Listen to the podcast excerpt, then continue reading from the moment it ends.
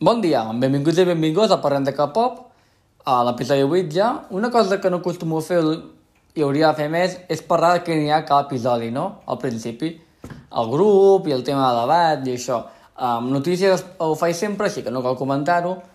Però sí, per exemple, el grup serà EXO, perquè és un grup que, bueno, m'agrada molt i molt important. Els grups que hem parlat ara, tots molt importants, no? Perquè són els primers. Arribarà algun capítol on parlaré de grups que tenen un miniàlbum o dos miniàlbums, així que seran més curts aquest, aquests capítols. I el tema serà sobre les operacions estètica. Jo crec que és un tema bastant interessant i, i que pot estar guai. Com cada setmana, doncs, què he escoltat? He escoltat... Últimament escolto poc de música perquè estic, estic molt liat, no? I vaig a Barcelona cada dia i, i moltes hores de, de viatjar en bus, que de moment per escoltar música, però no tinc ganes d'escoltar música nova, m'agrada més escoltar música vella quan estic al bus, perquè estic com mig plorant perquè estic allà al bus, avorrit. Però he escoltat el single de, de Kepler, el japonès, mm, increïble, a mi m'ha agradat molt. Uh, aquest single tenia uh, la cançó d'App i de Wadada, que són les cançons title track japoneses, um, vull dir, perdó, coreanes en japonès, i també tenia dues cançons noves en japonès, que la primera, que és la que té el videoclip i tot, està bé, i la segona, que es diu Daisy, és millor que la primera. Però les dues són molt bones, m'ha molt. Uh, han fet el que va ser un single en japonès, no? O sigui, no hi demanava més ni menys, és el que esperava i ho han fet molt bé. A més, jo crec que el, el tenir dos japoneses també ajuda, no? I que el, és això, l'estil l'han sabut captar molt bé, no? L'estil de, de com havia de ser el, el single japonès i, i, el, i Kepler té un rotllo o sigui, l'estil de música que té i les noies que té, el, no sé com dir-ho, el, el, pues, la imatge del grup crec que funciona molt bé a, a Japó i la seva música. I també he escoltat el tercer mini-àlbum de Girl Generation, que és el de, el de Hood. Crec que és el, el tercer de quart. I bé, Girl Generation ja ho vaig dir, però ho vaig comentar en cada episodi. Però és curiós. Jo, a mi que em passa és que m'esperava un Red Velvet, però més... encara més antic, no? És a dir, entre Red Velvet i Girl Generation hi ha FX. I FX clarament és un grup um, revolucionari. Jo pensava, que Jason serà més normal, no? O sigui, jo esperava que fos el, doncs, si Shiny és com EXO, però més descafeinat, descafeinat a, a, a nivell de que les cançons són més... són més... tenen... EXO té cançons que parlen després, no? Però té cançons molt guais, no? I Shiny té cançons d'un altre estil, molt guais també, m'agrada molt Shiny, però l'estil de cançó és molt més antic. Jo, jo m'esperava això, que, que la Generation fot um, a OK Shiny per Exo, doncs ell és per Red Velvet, no? Un Red Velvet, però amb estil de la nova generació, no? Diguem. Descafeinat potser no ha sigut el millor objectiu, però... Eh, o sigui, Shiny podria, ser, podria haver estat EXO, però l'estil que es portava en aquell moment era diferent, no? Però és com un grup molt similar a EXO. Almenys a l'EXO al principi. I això és el que jo m'esperava que fos Um, Girls' Generation per Red Velvet, i no ha sigut així. Però bueno, uh, coses que vull comentar a l'episodi passat i que, bueno, m'agradaria comentar. Una és que la mina del Twice és dels Estats Units i és japonesa, o sigui, crec que va néixer als Estats Units però japonesa, per això la cara que té és molt de japonesa. Després, que Sixteen vaig comentar que eren 16 noies, per això es diu Sixteen, i que quedaven 8, mentira. Eren 16 i el grup final havia de ser de set noies. Però uh, el Jeep, el Jeep Park, uh, va fer un gir a l'últim episodi i va dir que al final serien nou. La, la Tsuyu la van ficar per popularitat del públic i la Momo um, l'havien eliminat com a episodi 6 o, o, o 5, ¿vale? i la van reintroduir, o sigui, l'havien eliminat, no va arribar ni al final, i el Jeep va dir la Momo torna i està dins del grup perquè es veu que ballava molt bé i que tenia potencial. bueno, que té potencial, no? Ell s'ha vist al cap dels anys. Però d'això. També um, estava parlant, o sigui, parlant, estava pensant l'altre dia en NCT, m'agrada molt parlar, o sigui, parlar i pensar en NCT, perquè és un grup molt guai, I vaig comentar, quan vaig parlar sobre, sobre ell, vaig comentar una mica el City Dream, no? I el tema de, de que era un grup a l'estil japonès, de quan arribaven a certs anys es graduaven els nois, i m'agradaria parlar una mica més sobre això, dos minuts, perquè um, vaig comentar que el Marc doncs, els va graduar i va marxar i després va tornar a entrar, no? Perquè a més era un tio, bueno, un dels nois més populars i...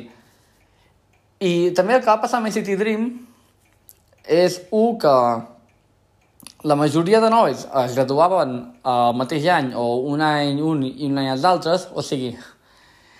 Uh, la idea de l'escena era bona, vale? NCT, un grup infinit, il·limitat de, de membres, diem, i un grup a ser japonès es graduaven. Uh, el que passa és que això funciona molt a Japó perquè uh, molt jove, la, sobretot això es parla molt amb noies a Japó, entra molt jove les noies, però molt, molt joves, i um, estan molts anys fins que es graduen i són grups molt grans, no? Però són, o sigui, no són 7 o 8 o 9 noies, són, un, són grups molt, molt grans de noies. I llavors, quan es graduen, el que fan és doncs, treuen música de forma independent o fan altres coses de música o se'n van entre trios o deixen el que sigui. O sigui, uh, quan es graduen hi ha un pla futur, no? Que normalment hi ha cada noia que és continuar amb la música o continuar dins el grup aquest per un nou grup o anar a fer d'actriu i, i, i el que sigui, no? Però en canvi a Man City, quan es graduaven els nois, no tenien res. M'entens? O sigui, la, la gràcia cap poc tu, el contracte és de 7 anys. Llavors, um, si tu debutes, aunque sigui City Dream, si tu debutes i et gradues, i encara queden 4 anys o 5, què fas? No? A, a, en, en els grups japonesos, això no funciona així, no? Si tu gradues i no li importes a ningú, doncs et menjas els mocs, no? Si no ets una noia famosa. Però si tens sala, pots, pots fer moltes coses. O sigui, és com... Uh, entrar, entrar en aquells grups de, de, de, que amb el format aquest de graduació, que és un format, o sigui, col·legi, no? Um, és com un, un pas en la teva carrera. Però, clar, si entres en City Dream, en City Dream ja és el grup de la teva carrera, quasi. Però la que va passar va ser que tenien o, a sis nois, no? O sigui, crec que amb el Marc eren set i el Marc pues, va marxar, eren sis, i que graduaven tots al, al mateix any, o uns, un any i uns un any, i què fas amb aquests nois? No hi havia un, un, res de futur per a ells, no? I, i, i en plan, vale, si s'han graduat, i què tindràs? Um, clar, fas una, so, una nova oportunitat. Si fas una nova oportunitat amb la majoria de City Dream, és en City Dream, no? I, i també que no hi havia un reemplaç. La gràcia d'aquests grups és que si es graduen dos o tres noies, entren dos o tres noies noves. Però aquí a City Dream es graduen sis i qui entra? Vale, pots ficar els que després van estar a YV o els SM Rookies, però no sé, jo crec que la idea va ser bona, però no, no era viable no era viable a, a nivell de cap pop. A més, com has de fer? I això és el que volia comentar d'NCT Dream. I també m'hauria comentat d'on trec les notícies, no? Si algú mai s'ha plantejat, ei, m'hauria estat més informat del K-pop i no sé com obtenir informació, uh, hi ha algunes revistes en anglès, bueno, també hi ha en castellà, però entenc que les que són en castellà, bueno, notícies, revistes vull dir um, diaris, això, per internet, no? de K-pop, jo crec que de castellà no, són bastant pitjor que els d'anglès, i els d'anglès són bastant pitjors de, de per si. O sigui, que al final pensa que la notícia surt en coreà, o bueno, jo què, si anuncia Blackpink un nou àlbum, tan fàcil en coreà o en anglès, però si surt una notícia més interessant, uh, normalment surt en coreà i després et tradueixen en anglès i potser d'anglès al castellà o del coreà al castellà, que mm, no sé si si val la pena tampoc llegir un castellà. Si saps l'inglès, amb anglès ja està bé. Però jo els trec de, de Reddit. El Reddit, que és un, una red social, una xarxa social, que és de foros, ja de tot, de tot el que et pugui agradar. I el rei que pop és bastant important, i allà cada dia, doncs, pues, el més interessant és doncs, les notícies, jo. A vegades se salten coses, no?, perquè, per exemple, Atés ha tret un single aquesta setmana i no, com que el Reddit va, és un foro i va per, per, per votacions. Si tu penges un post dient que Blackpink tornarà amb nou àlbum, pues el que post tindrà 3.000 likes i estarà a dalt de tot, pues si tu dius a té treu un single en japonès, potser té 100 likes i es perd una mica, no?, entre les notícies. O sigui, més que no és un portal de notícies, sinó que és un portal de, és un foro, però jo faig servir com a notícies. Per això va, doncs, hi ha coses que se'n salten, i se'n, bueno, se'n salten, que me'n salto, que se'n perden. I fins aquí la part de, del principi del programa, ja, ja passem a les notícies, que és com l'episodi on parlé més i menys, perquè mm, diré bastantes coses de coses, o sigui, de música que s'ha anunciat i així, però la majoria de grups no els he escoltat ni els conec. O sigui, em sona els noms, però no, la música seva poc. Així que serà una mica, una mica pobra, no? Perquè diré moltes coses, però no podré dir que dir res.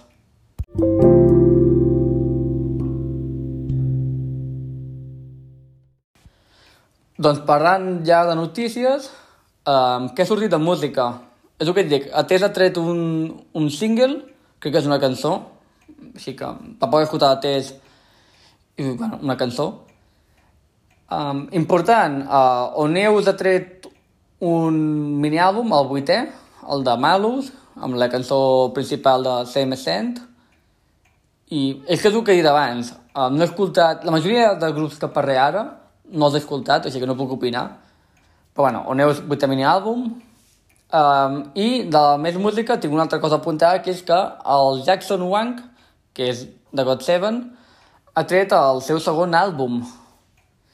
Mm, va treure un àlbum farà, farà temps, no sé si va ser l'any passat o fa dos, i també es va treure una mena de, de mixtape, no? Que eren bastantes, bastantes cançons, però no es considera un àlbum, així que aquest és el seu segon, i, i això, no, no m'escolto els solistes de Godseben, m'agrada Godseben, o sigui, he escoltat tots els seus àlbums i música, m'agrada, no em flipa, però m'agrada, té cançons molt bones, però els solistes no me'ls escolto, God Seven. Però bueno, això, si algú li agrada, doncs el Jackson Wang ha tret nou àlbum. Ara, música anunciada, molta, però potser s'amanen més coses. Comencem. La Taeryong de, és una noia de... Bueno, ex, ex de Lunar Solar, doncs ha tret, un, ha tret música, no sé si és un single o és un mini-àlbum, que es diu Happy Trip, la cançó. No és el millor nom, jo crec, no? Happy Trip mm, clarament parla de droga, almenys el títol. I, doncs això, no he escoltat Luna Solar, no sé què és d'aquesta noia, però bueno, va sortir i he pensat, ho comentaré. També ho comento ho de sempre, perquè mm, hi ha la Taeyong, hi ha el Taeyong i, ha, i també hi ha la Taeryong. O sigui, hi ha més noms en la vida, no us fiqueu el mateix. Després, eh, tinc les notícies més una mica saltejades, no a nivell, si tinc tot ajuntat, o del, de música anunciada i això, però s'han anunciat nous grups i els tinc barrejats amb música, així que aniré, aniré canviant entre música anunciada i grup anunciat. Ono Entertainment eh, debutarà un nou grup de noies, lògicament, de noies, que es dirà Airit a l'octubre. A veure què tal. Després, Limelight és el nou grup de 143 Entertainment i d'aquest ha sortit o sigui, el debutarà un grup, no? 143 Entertainment, que es el diu Limelight, i han sortit ja fotos i no pinta malament. Um, a veure, no pinta malament. Les fotos són uh, al metro i l'edició és una mica cutre, però no sé, hi havia alguna foto que semblava interessant. Què més? Um, doncs, èxit que fa el des, ha fet el d'aniversari l'altre dia, farà poc, va fer el d'aniversari èxit, doncs traurà un single àlbum que es dirà X, X, perquè és el número 10 en, mai en romanès, no? Amb, amb, amb números romans. I ha sortit una mica, això es porta molt, no?, de fer un, un roadmap, que et diuen, pues el tracklist sortirà el dia 4, i el dia 5 fotos, i el dia 6 fotos, i el dia 8 no sé què. Pues, ha sortit el roadmap, però no ha sortit ni a... Si posa tracklist, jo crec que seran dos o tres cançons, o potser són no sé, un remake de que són seves velles i alguna nova, no sé, no, no, no sé. D'èxit he escoltat la, les típiques, les famoses, i bé, i vam parlar de la Fancam, així que... Guai per elles. Després, uh, bueno, però que això és un single àlbum, és un àlbum d'aquests per celebrar el desaniversari, tampoc. No, no crec que sigui algo molt increïble el seu comeback. Blackpink, doncs, ja ha sortit el, la tracklist també, 8 cançons, 8 cançons comptant Ready for Love, que ja va sortir, i la Venom, o sigui que seran 6, i la title track serà la Shoot Down. hi havia gent que volia que fos Born Pink, la title track, però, o sigui, el nom de l'àlbum, però no. No, no, no hi ha cap cançó que es digui Born Pink i serà Shutdown, la cançó. No ha sortit res més, bueno, han sortit fotos, però, bueno, poca cosa. Després, Dia ha tret un single àlbum, no? Routine for You, un altre grup que no he escoltat.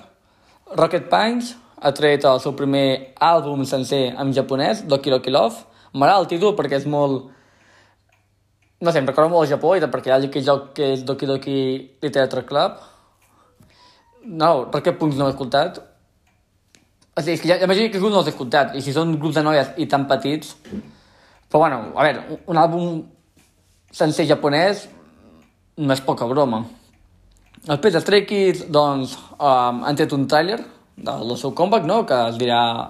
O es dirà Accident el comeback, o sigui, l'àlbum, o es dirà Accident la cançó principal. Tampoc he escoltat els Stray Kids, els tinc pendents.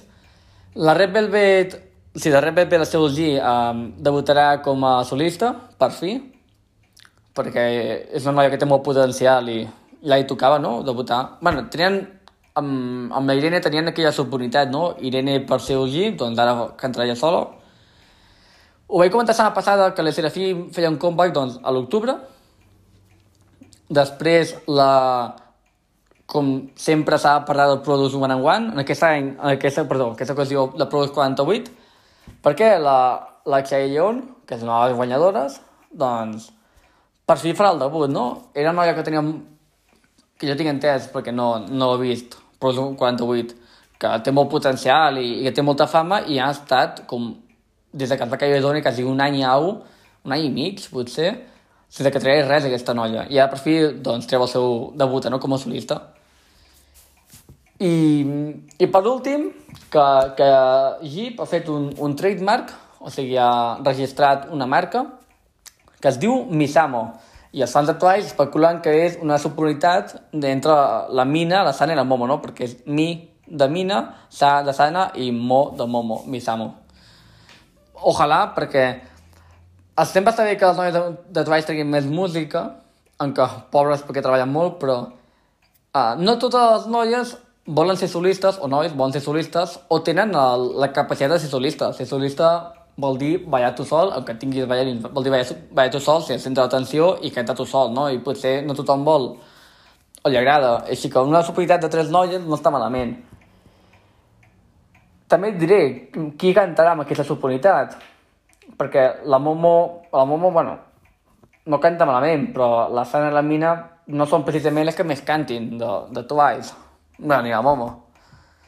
Així que ja veurem, potser és una superioritat que s'entra molt més en el ball, no? No sé, això ja, ja es veurà. Després, vam fer el... Fa poc vam fer el, un concert de, de SM, a l'SM Town, allà a Japó, que va ser increïble, i el, doncs, SM Entertainment ha anunciat que el següent concert serà als Estats Units. No sé si és el primer que fan allà, les conec, però doncs, està molt bé, no? Perquè si surt de sèrie aquests concerts... O sigui, el SM Town no és un concert com qualsevol, és el, és el concert on hi ha quasi tots els grups de, de SM, així que és molt important que surti d'Àsia, no? També un concert així.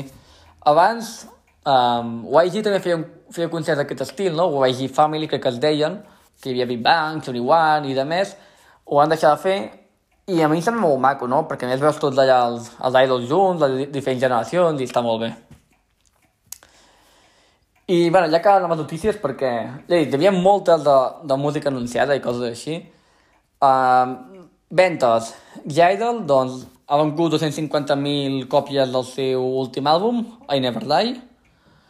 Són forces còpies, però no són moltes, comparat amb altres grups. Però, bueno, o sigui, ja és un grup bastant famós a Corea, té molta fama, però no, no ven moltíssim.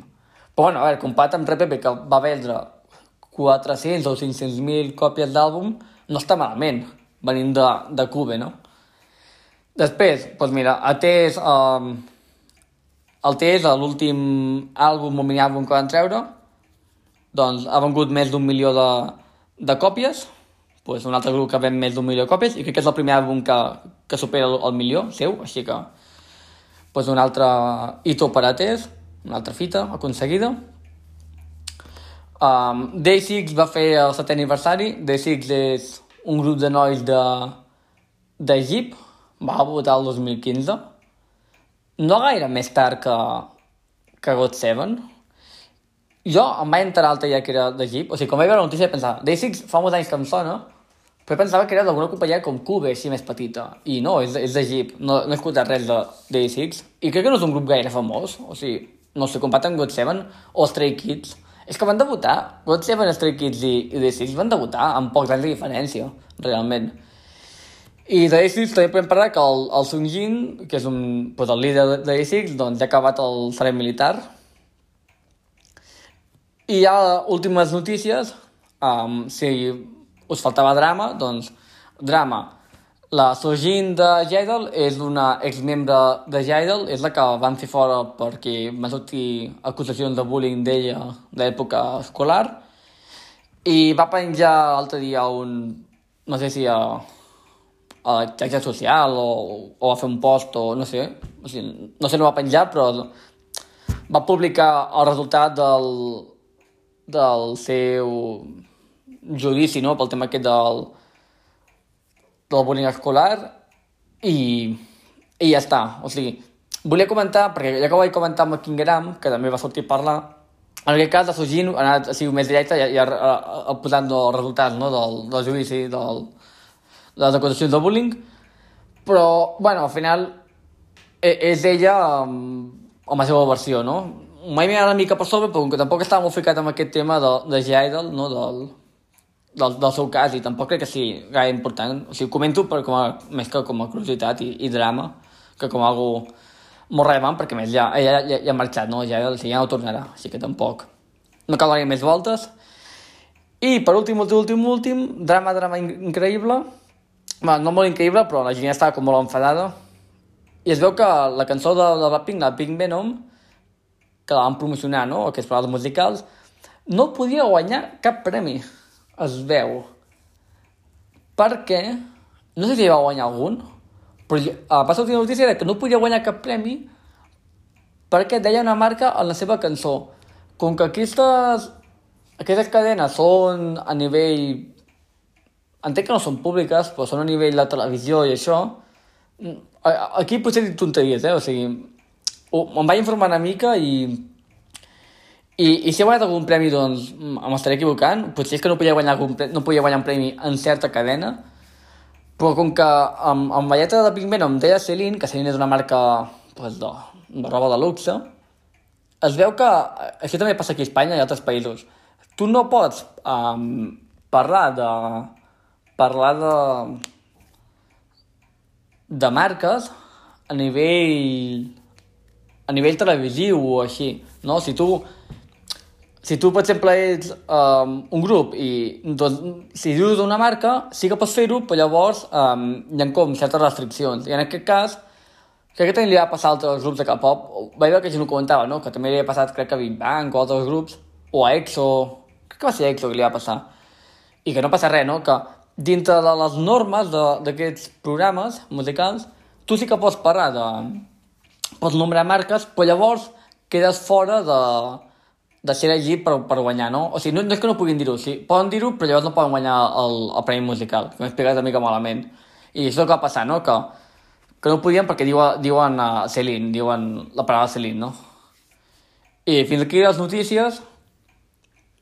Ja he dit, um, hi ha hagut bastanta notícia de música anunciada, però la majoria eren que, o grups nous de noies petits o, o grups que els conec, així que ha una mica, potser una mica pobre, però mm, no passa res perquè ara parlem d'EXO i EXO...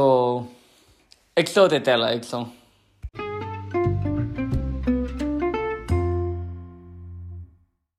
Doncs anem a parlar d'EXO per fer arribat el dia de parlar d'ells, un grup que a mi m'agrada molt i que he esperat una mica a parlar d'ells per si traiem música nova o anunciant alguna cosa, doncs no, és un grup que està mortíssim ara mateix, o sigui, la majoria tenen molts integrants que estan a, a la mili i i no, no trobo música que no té pinta.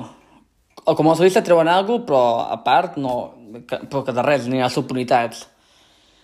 Um, bueno, jo vaig, jo vaig conèixer EXO perquè quan vaig començar a escoltar K-pop em va sortir Growl i Call Me Baby a YouTube i em vaig tornar boig, em van, em van flipar aquestes cançons, sobretot Growl i el vídeo, que després ara que penso Growl és un vídeo no cutre, però està gravat una, crec que és amb una sola toma, que això mola molt, però està gravat en un pàrquing, o sigui, no és el millor vídeo de la història, però al moment em va encantar, és que Growl és una cançó molt guai, després parlem de Growl. I, i això, va, anem a parlar un moment d'EXO. De, D'EXO començaré parlant no de... O sigui, vull presentar el grup, però també vull parlar de, de, de, de com neix el grup. Um, SM decideix doncs, fer un grup nou de K-pop que tindrà 12 membres. I um, aquests 12 membres no estan en un mateix grup, sinó que serà el mateix grup, amb les mateixes cançons, promocionaran al mateix temps, però una serà la versió coreana i una serà la versió mandarí, que la versió mandarí és la versió xinesa. Doncs EXO va debutar com EXO-K i EXO-M, K de corean i M de mandarín. I van debutar, doncs, sis nois a un, sis nois a l'altre, i una coreà i una xina. I treien la música, treien el mini-àlbum en coreà i en xinès. Les mateixes cançons. Uh, en, la en el grup mandarí hi havia els que eren quatre nois que eren xinesos. Sí, hi havia quatre nois que eren xinesos, el, uh, uh, en, en XM, hi havia dos que eren coreans. Crec que un d'aquests era el Chen, però potser m'equivoco bueno, i el EXO-K pues, hi ha sis coreans. I així, és important comentar això perquè després, això va ser fins a, al principi, i va entrar música així, i després va haver drames amb els xinesos, i al final, crec que pel 2014 o 15, el grup eh, es van acabar unint tots i formant un grup de 10 nois, que van acabar sent 9, 9 nois després. I d'això ja en parlarem després, el tema aquest del, del, que hi ha hagut molt drama amb EXO, la qüestió que vull comentar això perquè si hi ha músics de sobre, perquè clar, van debutar, és que van debutar el 2012 EXO K i EXO-M. I um, EXO ve de... Bueno, EXO, perdó, és, EXO és un grup de SM, vale? és el grup entre Shiny i NCT, i, o sigui, Shiny és el grup de segona generació de, de SM, el més important, o el més, que també hi ha Super Junior i TVXQ per allà, però bueno, Xení és com el grup abans d'EXO, EXO és el, el de la tercera, tercera generació i en sentit la quarta. I m'agrada molt SM, potser ho heu notat, però m'encanta SM, em sembla que és la millor, bueno, és la millor companyia, del, és, la, és la millor companyia del K-pop, és la companyia que quasi va inventar el K-pop. I té els millors grups i tot. Això és innegable. I té, té els artistes amb millor talent, o sigui, el talent que tenen el de SM doncs no tenen altres grups. Hi ha gent molt, molt bona fora de DSM, lògicament, però és que té els millors, i les millors. Um, bueno, EXO. EXO ve de... M'agrada molt el nom d'EXO, però no m'agrada el significat. EXO ve de la paraula exoplanet, que vol dir um, extrasolar planet, que vol dir que és un... O sigui, que vol dir que els nois venen d'un planeta que se fot al sistema solar. El nom és una merda. O sigui, el nom m'encanta, el significat és una merda sé que és per un tema de lore, perquè cada noi té un poder i venen venen, venen d'un altre planeta i això, però no és un nom que m'agradi gaire significat. Hi ha altres que són més romàntics i, i estan més rebuscats, però bueno, te'ls compro, però aquests em sembla, no sé, a mi no m'agrada. En canvi m'agrada molt el nom, crec que això és un nom que es pot dir, no? i es pot cantar, i és un nom, a mi m'agrada com molt del grup EXO, i una cosa que fan molt, el, el grup de K-pop, alguns, és que diuen el nom del seu grup a les cançons. No? Això fa molt Blackpink, que diuen Blackpink in your area, o, o Jeep, no? que Jeep sempre diu GIP, GIP, les cançons de Twice, sempre són el GIP o quasi sempre, i EXO també diuen molt EXO, no? perquè més EXO, EXO, EXO, que és el, és el seu primer àlbum, també d'EXO, però sense saber, també és com petonets o amor, així, no? Llavors, és com un joc de paraules molt, bastant curiós.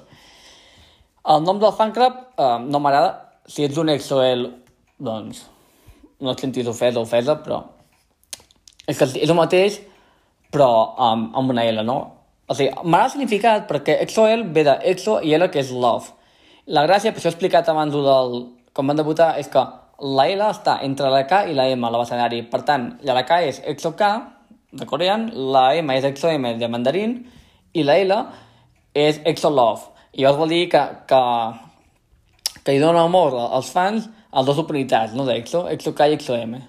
Està bé, el significat, per exemple, m'agrada, però no m'agrada el nom. EXO-L és com God7, que es diuen I love God7.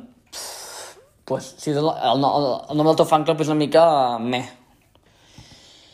Vale, mm, què més? Tenen dues subunitats, no? Una que va debutar el 2016, que a mi m'encanta, que és CVX, que hi ha el Chen, el Baekhyun i el Xiumin, i una que és del 2019, que és el Exo SS, bueno, perdó, S, SC, i S6 seria, que és el, el Sehun, el Sehun i el... No, el Sehun? Sí, el Sehun i el...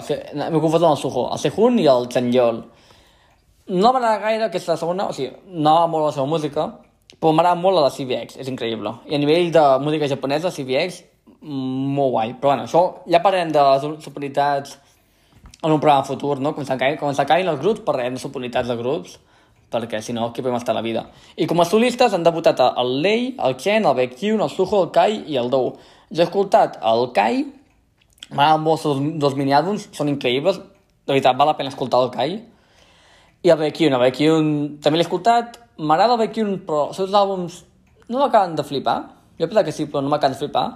L'últim és el de Bambi, i crec que Bambi va superar un milió de ventes. Va ser una bogeria. Crec que és el solista que, o, que més ha vengut en preordres. O sigui, el, el del Baekhyun és, no, és increïble. I el, i el Lei, que és xinès, és l'únic xinès que hi ha ara mateix a EXO, perquè els altres tres van marxar. El Lei ha tret música també a, a Xina i crec que és el cantant xinès més famós que hi ha, o, el, com a mínim d'Idol, és, és super famós a Xina. I, i potser m'equivoco, però el Lei va marxar d'EXO. O, o sigui, va acabar el contracte i va decidir no renovar, o alguna cosa així. Potser m'estic equivocant, eh, equivocant, però em sona que va llegir fa temps que va decidir no renovar el contracte amb EXO, però que encara podia continuar fent coses amb EXO, no? Això ja ho buscaré i ja ho rectificaré això en setmanes si he dit alguna tonteria, però era una cosa així. Vale, abans de parlar sobre la seva música, ja parlar què va passar amb EXO. EXO és un grup curiós. És el grup del govern, o sigui, el govern de, de Corea va decidir... EXO, és, el grup del, és el grup del govern de Corea. Són els ambaixadors del govern de Corea. Quan va venir el Donald Trump, per exemple, va anar EXO a rebre Donald Trump a l'aeroport. Quan els Jocs Olímpics d'hivern 2018 de Pyongyang va cantar EXO. O sigui, EXO del grup del govern. Per mi és un grup... Per mi és el grup més important de, de nois de la història. A nivell de... Potser no de venda ha vengut molt, eh? Però, clar, BTS ha vengut molt més, i potser NCT ha vengut molt més, però la importància que ha tingut EXO és, és innegable. I la popularitat que tenen els seus integrants, com ells sols, no, hi ha pocs que la tenen. O sigui, la popularitat de, d'EXO i de cada integrant és, és una bogeria. O sigui que el, que no et vengui un milió de còpies, crec que eren preordres, però bueno, un milió de còpies, doncs, mm, no t'ho fan altres grups, això. O sigui, és que és un milió de còpies, eh, un solista. Què va passar amb els xinesos? Sigui, no he parlat molt d'EXO, o sigui, serà curt aquest, uh, avui el d'EXO, perquè no hi ha molt a parlar, o sigui, sí, hi ha molt a parlar, però tampoc com hi ha altres grups com Twice que sí que em puc enrotllar molt més, aquí seré més directe, i, però sí, vull comentar primer el, el dels xinesos. Es veu que...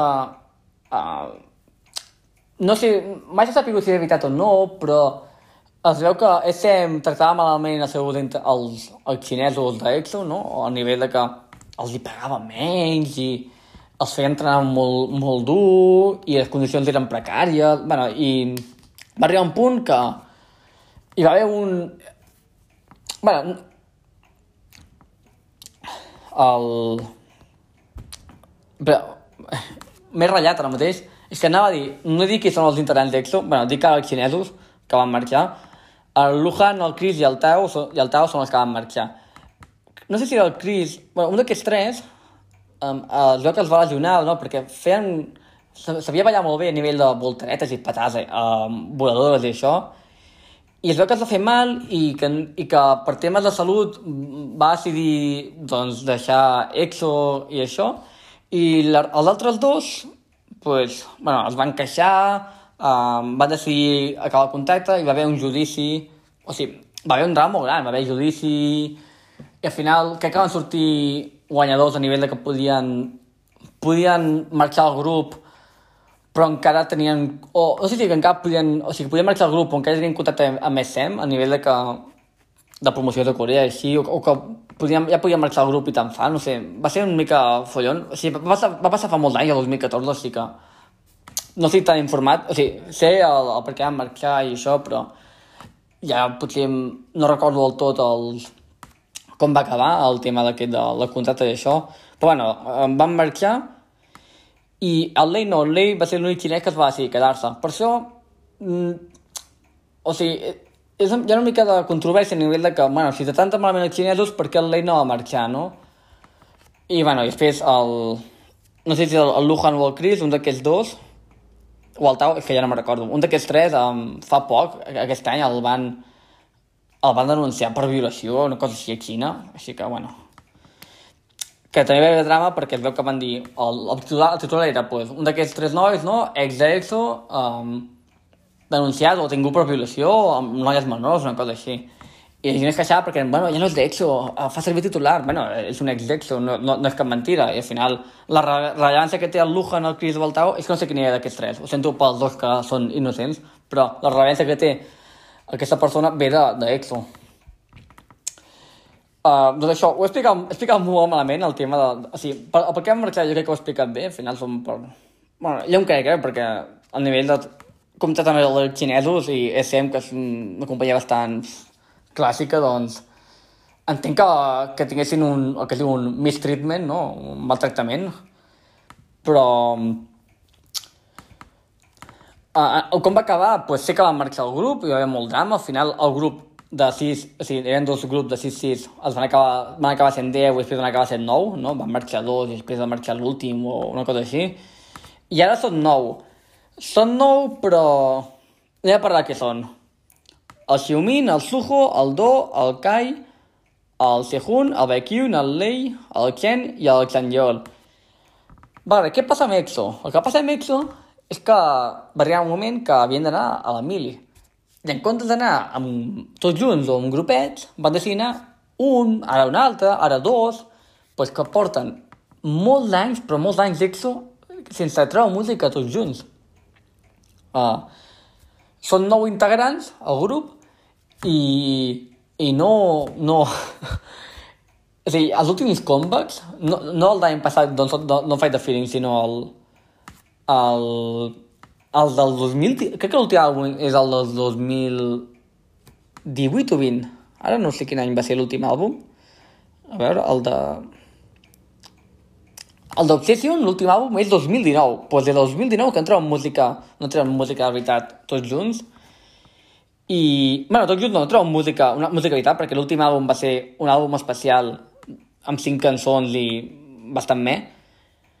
I no van ni promocionar-ho, o sigui, no van, no van anar a cap prova musical, o sigui, van entrar al videoclip, van entrar a l'àlbum i van dir, bueno, fins aquí la música que, que traiem aquest any, i porten 3 anys de trobar música, EXO pues ja el 2019 amb, amb això, amb Obsession i també amb, la, amb el de Love Shot i, i Tempo, bueno, que Tempo és el... Tempo... Tempo és el... crec que és el... Love Shot és el repackage, perdó, de Tempo. Doncs cada cop eren menys. Tu veies el... Veies el grup que deien, no, música d'EXO. I et deien, um, no sé, et deien Love Shot. I de nou eren set i dius, bueno, no sé quants eren, eh, però o hi havia 8 o 7. I dius, bueno, vale, pues estan a la no? Dos o un. I després, la, el feien repackage, no?, del, de tempo, i bé. I el següent àlbum, que era l'Obsession, eren 6. Bueno, pues, hi havia broma de que cada cop eren menys EXO. I fins que van decidir ja parar la música, i, bueno, van fer bé perquè es van centrar en les oportunitats, no?, amb CBX i amb ESC, però jo crec que això, que ha, ha matat molt a EXO a nivell de fama i tot, ha matat molt el... O sigui, ells tenen molta fama com a això, i com a grup i com a individuals, però que, que anessin un a un o, o en parelles de l'Emili fa que s'argui molt el tema de l'Emili. I el que... I també el que passa és que el, el, el Lei és xinès, vale, i no fer l'Emili. Però almenys, no, no sé si a Xina hi ha Emili, però a Corea no hi ha Emili. I, o sigui, a Corea... I no va fer l'Emili Corea perquè ell no és coreà i el Lei, doncs, va ser promocionar, o sigui, va ser, no sé, per temes de d'imatge i, i de negoci i tot, ha estat molts anys fora d'EXO. O sigui, ell és d'EXO, però va anar a Xina a promocionar i allà pues, ha participat en programes musicals, o sigui, en programes de música, o sigui, aquest tipus coreans i també de, en reality shows i coses així de música. O sigui, el Lei és com molt important. A mi m'han dit que és com l'idol més important de Xina, o dels més importants. Ha tret molta música allà, o sigui, és molt famós, però com a EXO ha estat molts anys sense treure música amb EXO i crec que el seu retorn va ser, bueno, no crec no, estic segur que el seu retorn va ser amb, amb, amb el de Don't Fight the Feeling, que apareix ja en el videoclip i canta una mica i et tornes a posar i dius, oh, Lei, per fi i perquè el Lei balla molt bé. Pues això, què, doncs què passa amb EXO? El que passa és que tens de 12 nois, 3 que estan fora, o sigui, que van marxar, o sigui, aquests són nous nois, el Lei, que també està molts anys fora, o sigui, però que continua sent del grup, està fora, o sigui que tenies 8 nois, i ara mateix són 5, perquè el Baekhyun, el Chen i el Chanyeol estan a la Mili, i el Kai crec que encara no hi ha anat. O sigui, el Kai encara ha d'anar a la Mili no, no aguantaria més el sofriment aquest. O sigui, sisplau, podem tenir EXO els 8 o 9 junts i el Lai també um, fent música. A més a més, el que comentava, no? que el, el, el Lei um, no sé si ja va marxar del grup o encara continua, si encara, encara pot fer coses amb el grup o serà que el contracte o una cosa així, va llegir. Vale, molt ràpid. El, el líder és el, és el Suho, el que millor balla és el Kai i el Lei, o sigui, és ballen increïble, el Kai i el Lei ballen una bogeria, i els que millors canten són doncs, el, el Baekhyun, el Chen, el Xiumin, sí, el Do, el Do canta molt bé. EXO és un grup molt complet, tenen ballarins, però els millors de K-pop, o sigui, el Kai i el Lei són dels millors ballarins de la tercera, de la tercera generació, eh, que també estan a Superem, no? Uh, tenen els millors cantants, o els millors cantants de, del K-pop, quasi segur, amb el Do i l'accent. O sigui, és un grup, és que és un grup molt, molt, molt potent i molt important. I, bueno, ja per acabar EXO, perquè m'estic enrotllant molt, a nivell musical, um, tenen, tenen dos mini-àlbums, el, el mini-àlbum debut és el de Mama, que molt, a la gent li agrada Mama i m'encanta Mama, la cançó, i tenen el de Portous de mini-àlbum, i després tenen, doncs, d'àlbums en si tenen crec que eren set.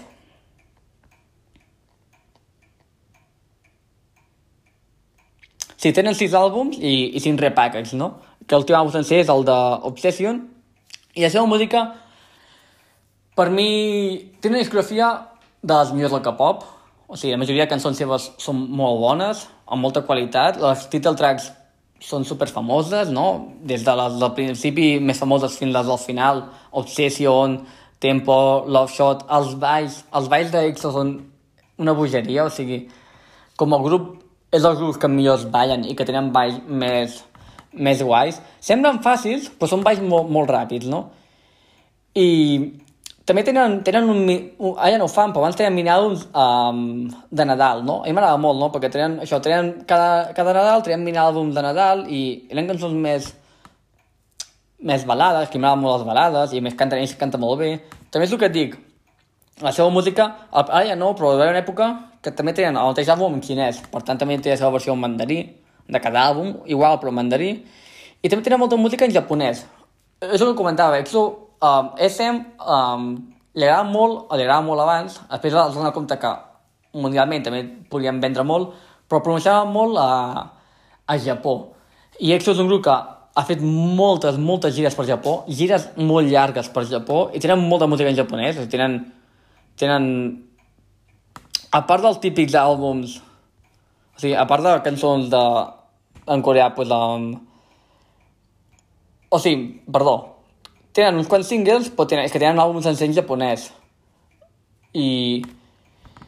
I a Japó són, són molt famosos. Perquè o sigui, EXO no, no és un grup que promocioni gaire a nivell internacional, però promocionen molt això a, pues, a, a Japó, que és el sud-est asiàtic, també han anat, han anat als Estats Units, han fet alguns concerts, però és un grup que s'ha centrat molt això en, en Àsia.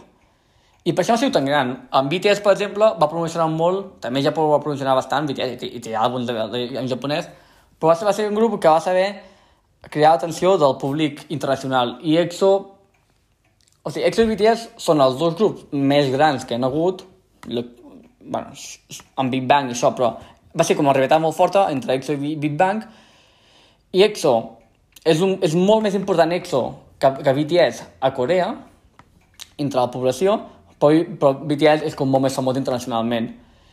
I ja expliquen, qualsevol idol ho explica, no? que Growl, Growl és una cançó que tothom se la sabia al col·legi, no? Això ho expliquen els alumnes, que ja anaven al col·legi i tothom se sabia Growl o Call Me Baby, sí? tenen cançons molt importants. I bueno, i fins aquí EXO. Um, jo recomano escoltar els title tracks, perquè valen molt la pena i els, i els vídeos són molt guais. I, doncs això, és un dels meus grups preferits, i si trobo música nova, doncs parlem més d'ells. Doncs ja hem fet EXO. Um, potser ha quedat una mica, no sé com dir, raro l'episodi amb EXO perquè una cosa que em passa amb aquells grups que tenen molta música és que no vull parlar de la seva música, no? No, no molt perquè eh, si no em puc allargar molt. També el que em passa és que um, si tu ja has escoltat EXO algun cop o t'agrada EXO i la seva música, si jo parlo de com és cada disc o com és la seva música, tu ja saps com és, no té gaire sentit. I si no l'has escoltat mai, jo puc dir quin estil fan i això, però si entro més en detall, com que no ho has escoltat, tampoc t'aporta res, no? I llavors no té gaire sentit parlar molt en profunditat de la seva música perquè és d'aquesta paradoxa de que no porta res a, diguem, el, doncs, la informació que et pugui donar. I, bueno, ben dit això, uh, passem ja al, a la part final del, del programa, no?, que seria el el debat, com que hi ha cada setmana, debat amb pluja d'idees uh, i així. Aquesta setmana és sobre les operacions d'estètica. Jo crec que és un tema molt interessant, no?, i que hi ha gent que té diverses opinions. I, doncs, anem al lío, no? A veure, les operacions d'estètica. No cal explicar què és, perquè tothom sap què és, però, bueno, és la gent que, pues, que s'altera físicament, no?, a, a partir d'operacions doncs, la cara, el cos, el que sigui. En aquest cas, sobretot en el K-pop, els casos més comuns són operacions de cara. Vale? Retocar-se sobretot el nas i els ulls. I potser també crec que em sona la barbeta, no? El que és el, la jawline, en anglès, que és el... Jau és com dentadura, no? Pues seria el, tot el, que és el, el perfil, no? O sigui, tot el que és la dentadura, però no la dentadura de dents, sinó no sé com es diu en català ara, però tot el que és la boca, diguem, no? Com la forma de la boca, bueno.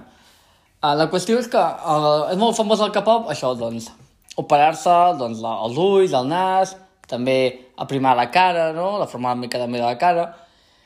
I, i no hi ha cap problema, o sigui, jo no estic, primer jo no estic en contra de les operacions d'estètica, és més, jo el K-pop, sabent que és una música super comercial, li demano que hi hagin, doncs, els millors ballarins, els millors cantants i els més guapos. Els millors cantants ja parem un dia el debat de que ja es comença a perdre una mica el, el cant en el K-pop, vale? ja no canten tant la, la gent, però això és debat d'un altre dia. Però els millors ballarins continuen sent-hi i jo vull que siguin guapos i guapes, que aquí no vull discriminar que són més lletjos, però um, és com l'expressió màxima de bellesa uh, coreana, no? Els idols de K-pop. O també hi ha els actors i això, però bueno, ja m'entens. El... Tots són molt guapos i molt guapos, la majoria, i està molt bé, no? I la qüestió aquí és que hi ha alguns que superen, alguns i algunes que superen, no? No és una cosa exclusiva de noies o de nois, sinó que els, um, els dos sexes ho fan, diguem, i... I... Però ho fa tothom, clar, o sigui, això fa... Hi ha hi ha idols que ho fan, hi ha idols que no ho fan, hi ha idols, bueno, hi ha empreses que ho fan i empreses que no ho fan, perquè en molts cops això ve des de l'empresa, la, la companyia, que decideix que els seus idols han d'estar operats o operar o el que sigui. Vale, um, per fer una distinció, normalment els idols de K-pop van super maquillats. A part de si van operats o no operats, el que sigui, tenen molt maquillats. I molts cops costa veure un idol sense maquillatge. Per exemple, eh, en el cas de l'Una, les noies de l'Una, si no van maquillades, no pengen una foto o no fan un directe o no els agrada que els seus fans les vegin sense maquillatge. A la majoria hi ha alguna que sí, però bueno, la Higina a vegades ho fa, o la Haseul, però la resta no els agrada gaire, que els vegin sense maquillatge, no? I si no maquillatge no surten al carrer o aquestes coses. Això també jo crec que és una cultura més, més de Corea, no? Que molta gent va maquillada, tant homes com dones, i aquí no es porta tant a... Almenys aquí... O sigui, potser algú es maquilla, però el, el nivell que es fa allà no, no s'arriba. Llavors, ja per si tu la persona que veus, la cara, en aquest cas parlem de la cara, del, dels idols, ja no és la seva cara real. O sigui, sí que és la seva cara real, però està molt maquillat, no? Té com una capa de bellesa a sobre. Llavors, operar-se és una capa encara més a sobre del, de la bellesa natural, diguem. Mm, què passa? Pues que hi ha molts idols, doncs, que, que no, no estan operats, no? No tots estan operats i, i que són pues, molt guapos i molt guapes i hi ha d'altres que es fan una mica els ulls però molts cops costa saber, o sigui, a mi em passa com, jo què sé, veig casa l'una i jo crec que no s'ha parat cap, però no ho sé, no? Potser algú s'ha retocat els ulls s'ha retocat el nas i com que són operacions que no són perfectament visibles, és a dir, si una persona, una noia, es fa els pits, es veu molt clar que s'ha tapat els pits, o es veu bastant clar. Però en el cas aquest de retocar-se els ulls o, o el nas o la cara, a no ser que tinguis una foto prèvia de l'idol, tu no ho saps. O que ho digui l'idol, si l'idol diu, no, sí, m'heu parat el nas, tu no ho pots saber. No? O sigui, um, a no ser que allò, que allò vegi una foto o que es publiqui una foto, que sempre surt, no? sempre que debuta un grup de nou, sempre surten fotos d'ells quan anaven al col·legi o del trainees i es veu una mica el canvi, com han crescut, no? Perquè més són fotos d'altres anys.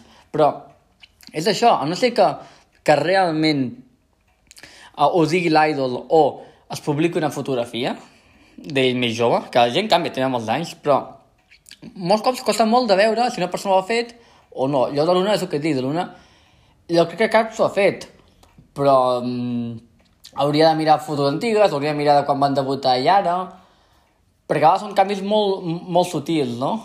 Mm, ah, on vull anar parar amb això? El que vull anar parar amb això és que ara, ara, és, bueno, ara sempre és molt famós, és molt comú, que quan debuta un grup sortim fotos de, dels nois o de les noies de quan eren més joves. I això passa molt amb els DSM.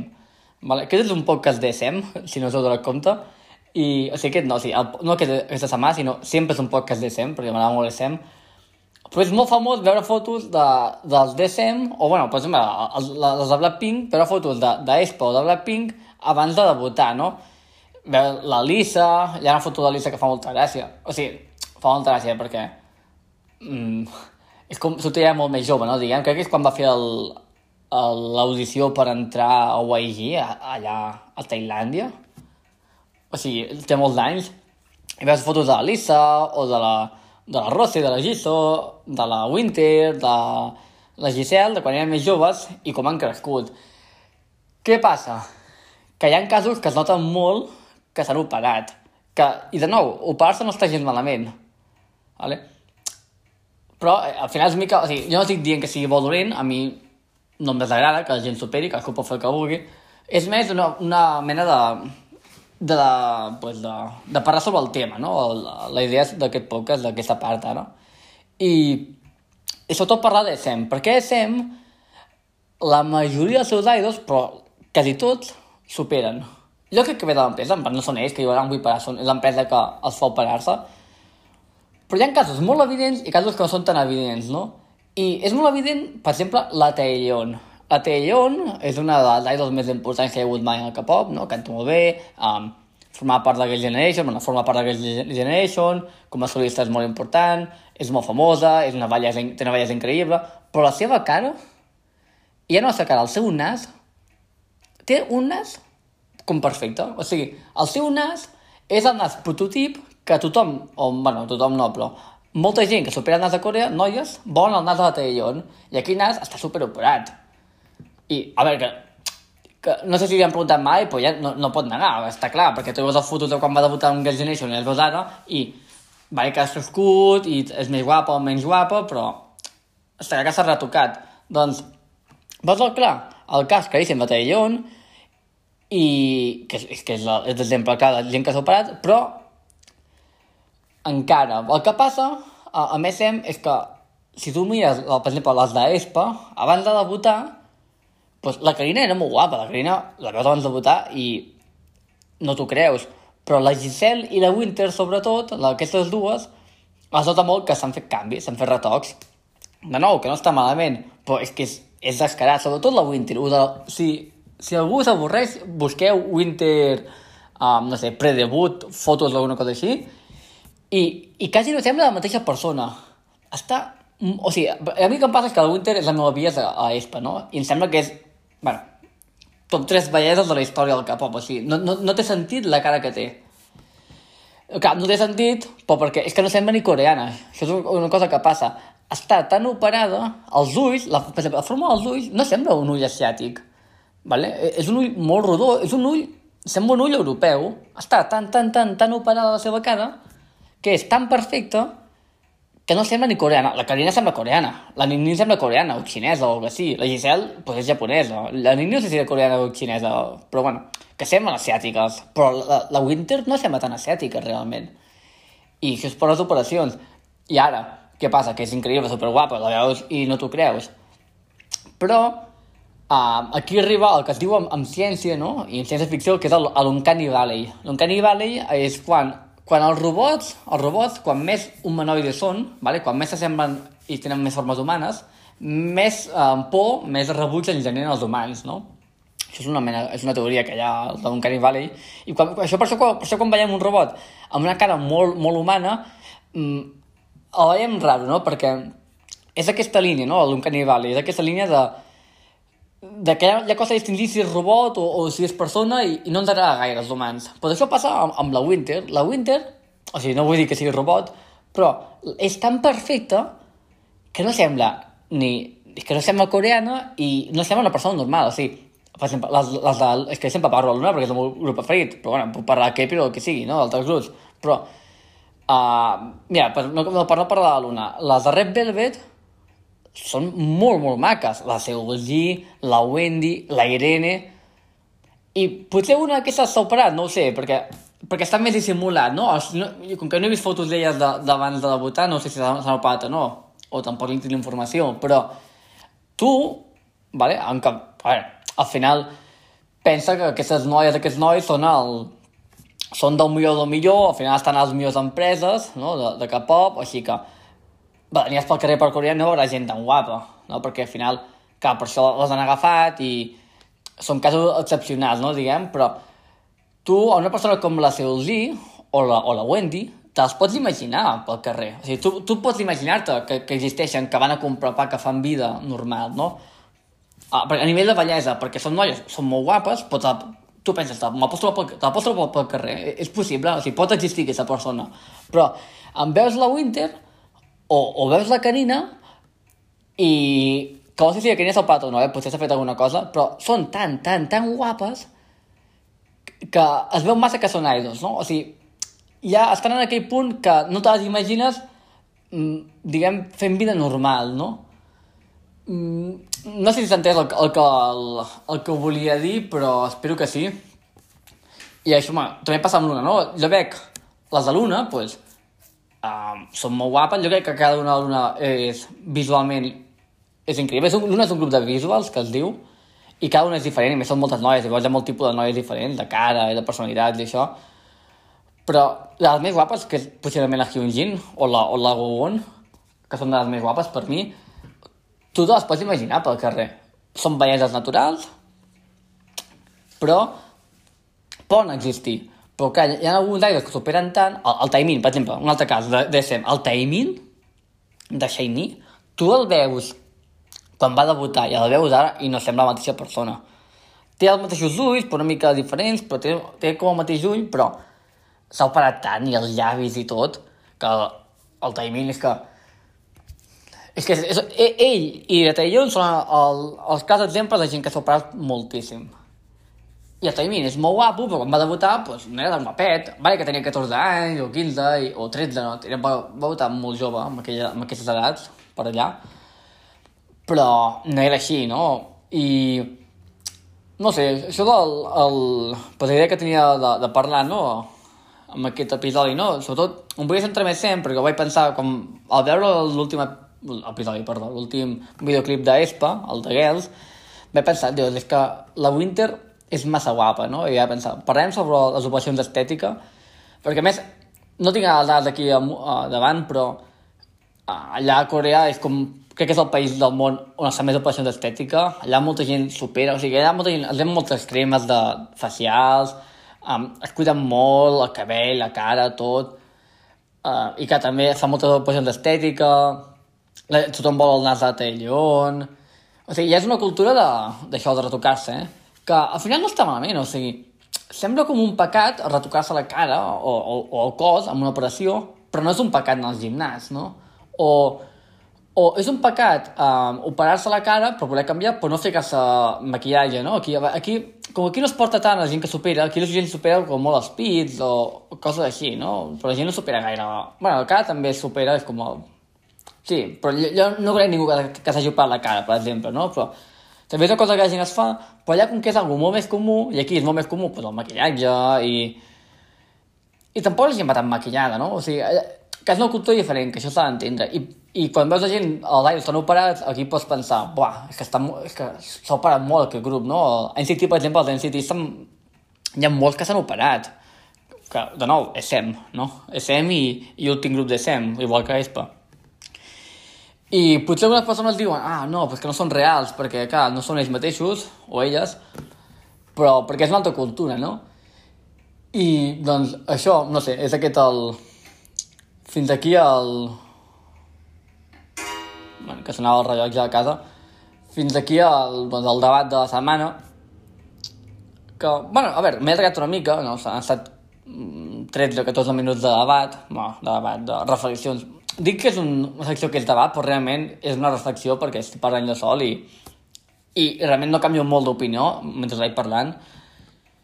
Però, bueno, espero que t'hagi agradat aquest, aquesta reflexió i l'episodi d'aquesta setmana. Sí que a vegades penso en, en, en, en el programa, no?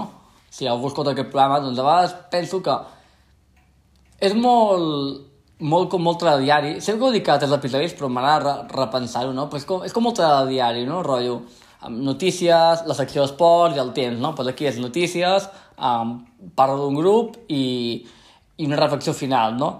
I hi ha altres podcasts, no?, que són més de... Pues de, anem a comentar un tema, no? I, i parlen una hora d'un tema, doncs, jo què sé, en el cas de K-pop seria anem a parlar sobre um, el debut del grup de noies, no? Com vaig fer jo, però allargant-se molt més, parlant de cada grup i això. O anem a parlar sobre um, les gires de, que fan al K-pop, no? I parlant de com grups que més van a Corea, que van, van poc a Europa... O sigui, és un estil de, de, de format diferent de podcast, no? Jo aquest, aquest segon no el puc fer, ah, el podria fer però em moriria, no? Perquè uh, com que estic jo sol parlant, doncs no és viable, no puc estar una hora i mitja parlant sobre un tema jo sol perquè aquí se m'acaben les idees de què parlo, no? Sobre el tema. Per això les reflexions m'agrada perquè acostumen a ser curtetes perquè tampoc la pàgina estètica no puc parlar gran, cosa més. No sé que em fiqui ja a criticar cada idol que s'ha fet o, o coses així, o anem un per un per grups i això, o sigui, que no és viable, no? Si estigués amb una persona més o amb dues persones més, sí que hi ha aquest intercanvi d'opinions i pots estar parlant sobre els àbuls en físic, no? Doncs una horeta o així. I, i això, a mi, a mi personalment m'agrada els tipus de podcast, m'agrada el de gent parlant sobre un tema en general, una horeta, i, però soc molt més fan de gent, que per això fa el podcast així, no? De gent que fa, doncs això, tipus, més um, esquemàtic, anem a parlar d'això, d'això, d'això, cada setmana, perquè així també sé què esperar, no?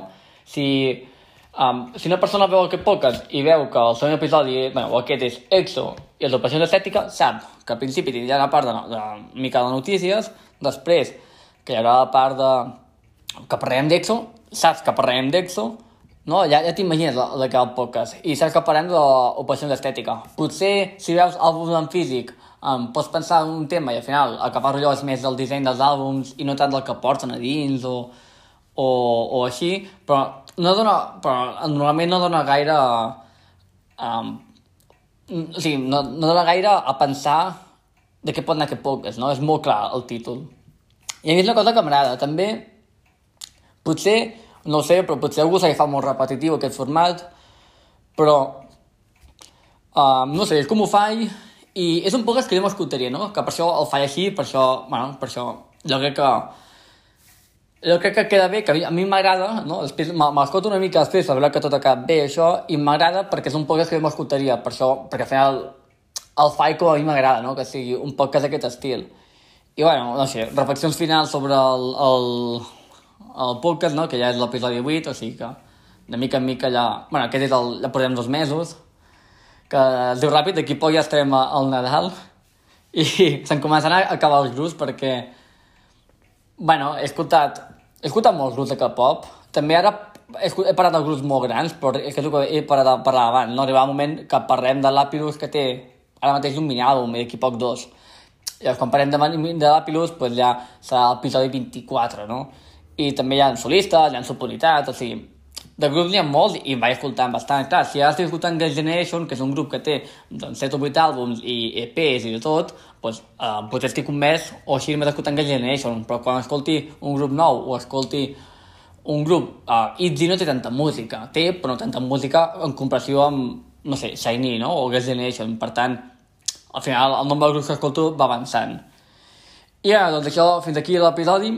Uh, L'he publicat un dimecres perquè vaig gravar el dilluns sí o sí vaig gravar el dilluns, però uh, aquest... No em va donar temps, perquè havia de marxar i era, era tard, no em va donar temps de gravar la part d'aquest de, de, debat barra reflexió. I l'he acabat de gravar el dimecres, perquè és quan he pogut, i vaig prometre que gravaria el dilluns, he gravat dilluns, però la part final un dimecres, i per això es publica avui. Intentaré fer-ho el dilluns, però hi ha vegades que per feina o tot, doncs, no hi ha temps. I, doncs, moltes gràcies per escoltar-me i fins al següent episodi.